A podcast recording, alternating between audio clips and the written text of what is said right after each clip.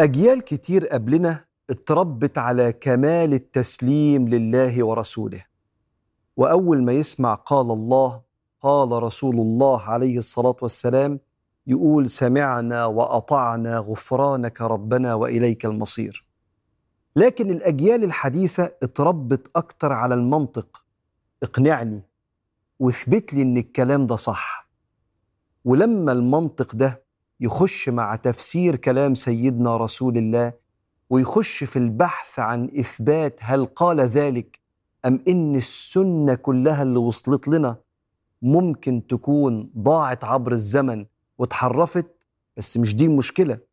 المشكلة إن صاحب هذا الشك ممشيش في السكة السليمة عشان يجاوب على أسئلته وعلشان يطمن الشكوك اللي جواه وعشان يتأكد هل ما بين يدينا من السنة وأفعال وأقوال سيدنا محمد حقيقة تنسب ليه ولا لا؟